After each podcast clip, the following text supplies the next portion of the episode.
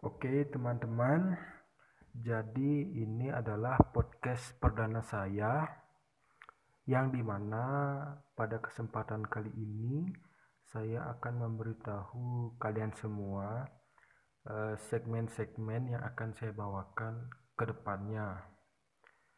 Jadi, untuk segmen yang akan saya bawakan itu adalah mencari suatu pertanyaan yang sekiranya menarik, lalu saya jawab dengan opini saya. Jadi, diingatkan kembali jika jawaban tersebut adalah opini pribadi saya. Jadi, itu belum dan tidak sepenuhnya salah juga. Jadi dimohonkan pengertian teman-teman sekalian juga. Lalu konten seperti ini sekiranya bisa mengasah pikiran kita untuk berpikir kritis. Karena sebagian besar pertanyaan-pertanyaan itu adalah pertanyaan uh, seperti tidak umum lah itu lebih spesifik jadi contohnya kalau eh, soalnya tentang pelajaran itu sudah sedikit lebih mudah karena itu sudah ada jawabannya. Jadi soal yang saya maksud di sini adalah soal yang di mana memerlukan uh, pemikiran kritis kita untuk menjawab soal tersebut. Dan juga soal itu tidak memiliki satu jawaban tetapi banyak jawaban dengan versinya tersendiri.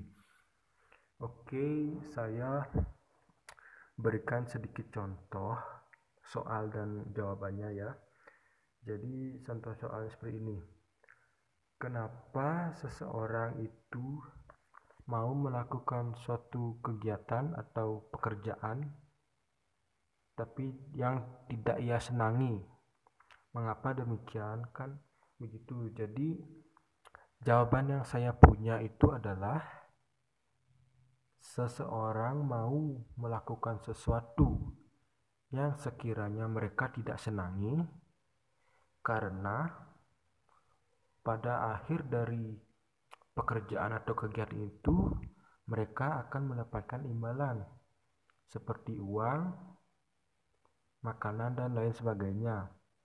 Jadi istilahnya mereka bekerja seperti itu untuk menyambung hidup mereka. Walaupun eh, pada hakikatnya mereka tidak menyenangi pekerjaan tersebut, tetapi mereka berusaha melakukannya dan menekuninya agar mencapai tujuan akhirnya yaitu mendapatkan imbalan yang mereka inginkan. Nah, seperti itulah contoh-contoh soal dan jawaban yang akan saya perbincangkan di podcast ini.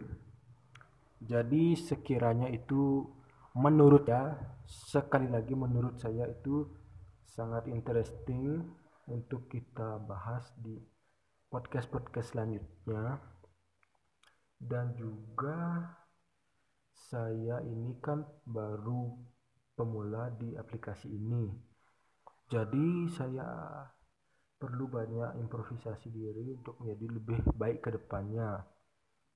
Dan semoga ini merupakan salah satu cara untuk uh, public speaking atau belajar dan banyak pendengarnya.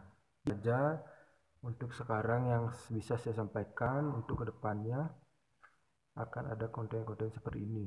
Terima kasih.